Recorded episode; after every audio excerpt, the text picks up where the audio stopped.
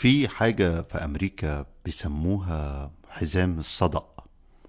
وهو نطاق جغرافي بيضم مجموعة من المدن غالبا مدن في الشمال الشرقي يعني نيويورك فيلادلفيا أوهايو مجموعة من الولايات والمدن اللي كان فيها حركة صناعة وفرص عمل وعدد كبير من السكان وكانت ولايات ومدن ثرية جدا خلال القرن العشرين. لكن بداية من الثمانينات ابتدى يحصل انحدار للمدن دي. بشكل أساسي لأنه النهضة العمرانية والاقتصادية اللي شهدتها المدن دي كان سببها تخصص المدن دي في مجموعة من الصناعات الثقيلة زي صناعة الحديد والصلب السيارات آه، مناجم الفحم إلى آخره إلى آخره. طبعا بداية من الثمانينات بدأ الانحدار آه، بسبب اولا إنه ظهرت منافسة في التصنيع بالذات تصنيع العربيات من شرق آسيا من اليابان وشرق آسيا دول شرق آسيا بقت بتقدم عروض آه، أكثر آه، انخفاضا في التكلفة الاقتصادية وبسبب الوعي البيئي إنه التصنيع لسنوات وعقود طويلة في هذه المدن دمر الطبيعة فيها بشكل تام وخلق كوارث صحية وبيئية جدا. وبالتالي ابتدى الانحدار في المدن دي ونتيجة لهذا الانحدار أصبح بيطلق عليها آه، حزام الصدى من حيث يعني إنه دي كانت مدن صناعية وفيها قايمة على تصنيع الحديد والألمونيوم وفجأة بما إنه يعني ما عادش فيه شغل فالحديد والحياة فيها صدأت. الظاهرة دي طبعا متكررة طوال التاريخ. طوال التاريخ بنشوف مدن بتنهض وبتنحدر ودايما العامل الاقتصادي والبيئي بيكون آه، محرك أساسي. وده لأنه أصلا المدن بتنشأ لحاجات آه، اقتصادية بشكل أساسي إنه الناس محتاجة تشرب مية فعشان كده الناس بتروح تعيش جنب الأنهار. آه، الناس محتاجة تجارة فبتعيش بتروح تعيش جنب البحار مصدر للغذاء وأحيانا كمان للمية وللتجارة وبالتالي تقدر تخلق مدن تبقى مراكز تجارية كبيرة. الناس بتحتاج التصنيع فبتختار مناطق تبقى قريبة من مناطق التوزيع أو قريبة من مصادر الطاقة أو موارد المواد الطبيعية اللي أنت محتاجها في التصنيع فتبني مصانع وجنب المصانع تبتدي تبني مساكن والمدينة تتطور واحدة واحدة بالنشاط التجاري لسكانها. دي كانت دورة حياة المدن كما نعرفها لحد يمكن عقد أو عشر سنوات فاتوا. فجأة الوضع اتغير يا برايز زي ما إحنا شايفين إحنا مثلا في مصر قاعدين بنبني مدن حيث لا شيء. مدن في العالمين مدن في العاصمة الإدارية الجديدة لدرجة حتى إنه بيبنوا مدن في رشيد والمنصورة وعلى طول آه، الساحل الشمالي لدلتا نهر النيل اللي هو كل الدنيا وكل الناس بتقول يعني إن الموضوع 30 40 سنة وكلها تغرق تحت المية. الواحد لما بيشوف مشاريع المدن دي سواء من العاصمة الإدارية لنيوم في السعودية بيقعد يفكر هي المدن دي هتموت؟ هي أصلا المدن دي لسه ما اتولدتش. يعني هما بيقنعونا إنها اتولدت وحية وشغالة وبيعملوا فيها مؤتمرات وبيروحوا يصيفوا فيها. لكن الواحد بيتساءل هي المدن دي لو ماتت هيكون إيه سبب وفاتها؟ إيه اللي هيحصل؟ ما عنديش إجابة يعني وأظن إن أنتم عارفين الإجابة أو هنتكلم أكتر عن الإجابة. شوية معرسين ولاد وسخة والله. ضيعوا حياتنا وتاريخنا وكل حاجة. أنا أحمد ناجي وأهلا بيكم في حلقة جديدة من بودكاست عشوائي.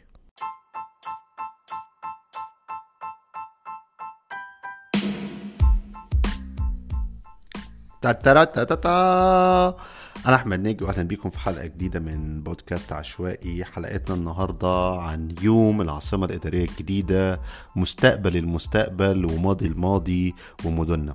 هتلاحظوا كمان إنه بداية من النهارده هيبقى في إعلانات بتنزل على حلقات البودكاست. بعتذر لو مزعجة بس أحيانا آه، كناس بتقدم محتوى بنحتاج الإعلانات وبنحتاج دعمكم علشان نقدر نستمر في تقديم المحتوى ده علشان كمان نحسن مستوى اللي بنقدمه.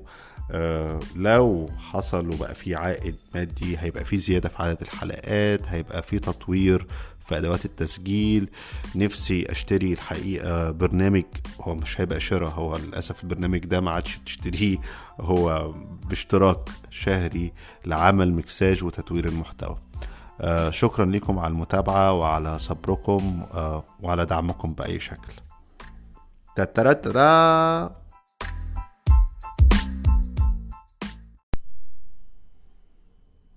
مثلا آه، حسب الله الكفراوي وزير الإسكان المصري السابق وأحد المخططين لما يطلق عليه مشاريع المدن الجديدة اللي ابتدت في مصر من السبعينات لما بنشوفه في الأحاديث القديمة القديمة يعني لما كان بيتكلم 6 أكتوبر أو العاشر من رمضان بشكل أساسي المدن دي بدأت كمدن صناعية بمعنى أنه ابتدى يعني تخصيص أولا توصيل الكهرباء والطاقة هناك وتسهيل شراء الأراضي لرجال الصناعة أو المستثمرين الناس تبني مصانع العمال يبتدوا يروحوا هناك يبتدي يبني مساكن للعمال العمال محتاجين يشتروا حاجات محتاجين يبيعوا يبتدي يبقى عندك في نشاط تجاري شوية شوية تبتدي تفتح أسعار الأراضي هتبقى أقل من العاصمة فتبتدي تفتح لل... للناس اللي عايزة تبني مشاريع تجارية كبيرة تنقل هناك فيبتدي يبقى في جامعات خاصة بتفتح شركات الاتصالات بتفتح مقرات كبيرة وهكذا والمدينة تبتدي تنمو. كل ده انتهى في آخر عشر سنين مع دخولنا لزمن الثلاثي المرح آه، السيد الرئيس السيسي وولي العهد MBS وولي العهد MBZ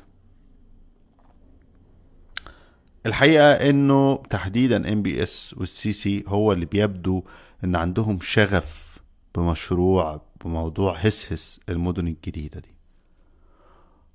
عندنا في مشروعين أساسيين بنلاقي كل مدخرات البلدين مصر والسعودية مشفوطة ورايحة فيهم. العاصمة الإدارية الجديدة ونيوم في السعودية.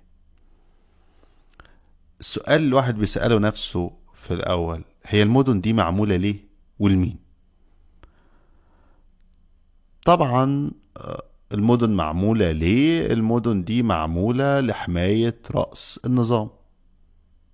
تحديدا في مصر. حماية النظام نظام شايف إنه استمرار وجود القاهرة كعاصمة تصميمها بتاريخها ده بيتيح للناس في أي لحظة في أي ظرف إنها تنزل الشارع تسيطر على المدينة. الناس لما بتنزل الشارع بتقف في الميادين بتقفل الطرق فجأة أنت بتقطع أوصال المدينة. لما بتقطع أوصال المدينة بتوقف النظام. النظام هو مش مؤسسات مش رئيس جمهورية ومجلس الشعب ومجلس الشورى. هو إن كل الأفراد دول يبقى في بينهم حركة تواصل قدرة على التواصل والانتشار الشريع. لما المواطنين بينزلوا ويقفوا في الميدان هنا أنت بتقطع عملية التواصل دي بتمنع عبور موصلات النظام. فكان الحل اللي تفتق عنه يعني أو يجيب له فتاء ذهن السيسي واللي معاه هو بناء الحصن على الطريقة اللي كانت بتحصل في مصر القديمة مصر الفرعونية. إنه يبقى عندك مجتمع هو عبارة عن مجموعة من الفلاحين البؤساء المرضى. وعلشان كده بالمناسبة عشان كده في الآثار الفرعونية إحنا كنا كل اللي بنلاقيه معابد وتوابيت ومقابر الملوك والأغنياء. لكن مدن الفلاحين وقرى الفلاحين هي كانت يعني بيوت من الطمي والقش في بؤس شديد جدا بتيجي المية بتزيلها. وده الوضع اللي عايز يرجعه السيسي. هو عايز يرجع مصر العظيمة مصر أم الدنيا مصر الفرعونية. فيبقى في عندك عاصمة اللي هي طيبة أو منف والعاصمة دي بتشفط بتشفط مش بس كل ما يفيض عن إنتاج بقية المدن والحواضر لكن كمان كل بتشفط كل نقطة حياة نقطة حياة في المدن الأخرى دي وبتركزها في العاصمة.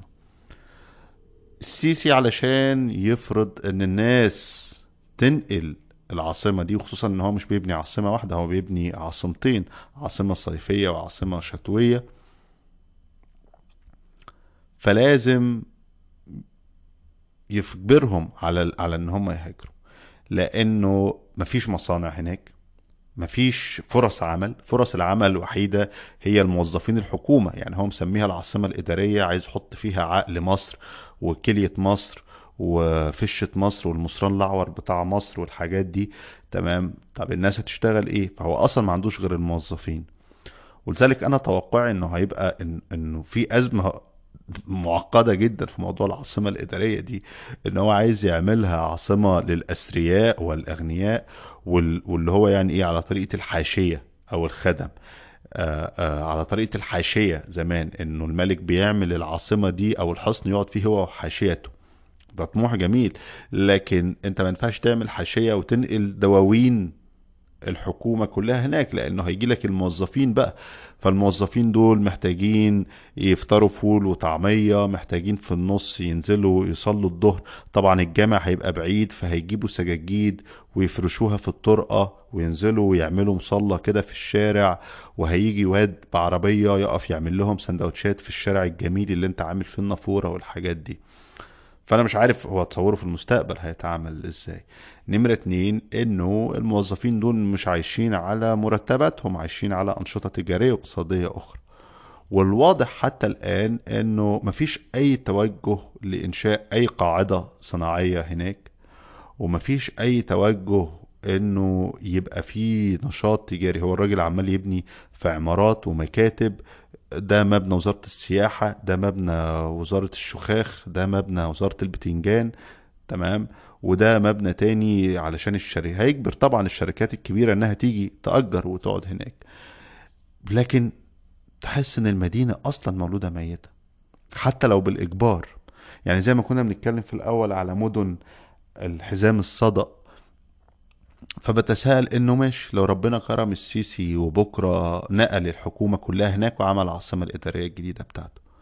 ربنا يبارك لهم يا عم ومبروك العاصمة. وما نكرهش حاجة يعني اللي عايز يبني في مصر يبني ولا ينيل. لكن بقعد أتخيل مع نفسي وهتستمر لإمتى؟ لحد إيه؟ إيه اللي هيحصل عشان المدينة تموت؟ يعني كان زمان في عندنا في مصر مدينة رشيد مثلا. مدينة رشيد دي أو روزيتا كانت مدينة عظيمة لأنه هي كانت مركز لحركة تجارة مهم جدا في البحر الأبيض المتوسط.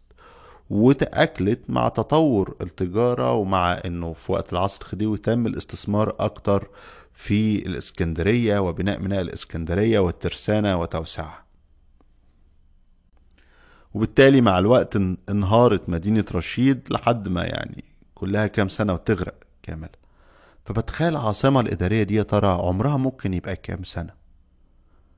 أنا مش شايف ليها أي مستقبل الصراحة غير قد عمر وجود السيسي في الحكم. واللي هو حاجة يعني هيقعد قد إيه يعني؟ كمان عشر سنين عشرين سنة هيعدي الرقم القياسي المبارك يعمل تلاتين خمسة وتلاتين سنة. وبعدين هل ده وقت كافي أو عمر المدينة لما بشوف صور العاصمة الإدارية الجديدة أو البرجين العجاب اللي هم بانينهم في العالمين بقعد أتخيل على طول ال... الانحدار أو التدهور للمدن دي. بشوف الواجهات الفشاولة اللي هم عاملينها دي وهي بتتآكل وبتسقط والصدى بياكلها. وبشوف البوستات بتاعت الانفلونسر بتوع مجانين والعيال بتوع عبيد النوستولوجيا على النت اللي هو الحقوا. تخيل. تخيلوا بجد والله بعد 20 سنة 25 سنة نبتدي نشوف بوستات من نوع إيه؟ أنقذوا المبنى الماسي في العاصمة الإدارية الجديدة. تحفة معمارية تحفة طيزية.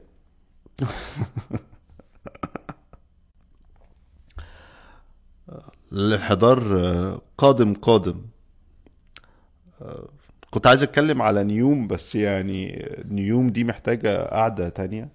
وبعدين حاسس إن أنا طلعت كل اللي عندي اتجاه نيوم ده في الرواية في النمور حجراتي. يعني هي نصها كله بيدور في نيوم. آه بس بيفضل في ذهني زي ما بقول لكم كل ما أشوف الصور بتاعت العاصمة الإدارية الجديدة دي لأنها طبعا صور بت- بتبرق كده ومعمولة جرافيك. بعد أقول يا لهوي شوية مية وإيه اللي هيحصل فيها؟ وهتقعد كام سنة؟ وبعدين لما لما تنهار هيعملوا فيها إيه؟ هيودوها فين؟ هيستخدموها في إيه؟ هي هي هيعاد تدوير العاصمة ديت في إيه؟ أتمنى أعيش لحد ما أشوف الانهدار ده وأشوف نهايته. نهايته طبعا أنتوا عارفين كلكم أنا أقصد مين. good night and good morning آه قبل ما أختم بمناسبة التخيل لو أي حد بيسمعني رسام آه، مصمم جرافيك illustrator فنان آه، وحب يلعب معانا شاركونا بالتخيل ده. شاركونا بصور معدلة لمدينة العالمين الجديدة وهي غرقانة تحت المية مثلا في البحر الأبيض المتوسط. أو للعاصمة الإدارية الجديدة. شاركونا في تصوراتكم وتخيلاتكم عن نهاية المدن دي. الحقيقة مش حاسس بحزن وأنا بقول نهاية المدن لأنه آه، حاسس إنه هي نهاية المدن وبالنسبة لنا هتبقى الاستيقاظ من الكابوس. ابعتولي على تويتر أو على موقعي أو حتى رسائل صوتية على Anchor. good night يا حلوين.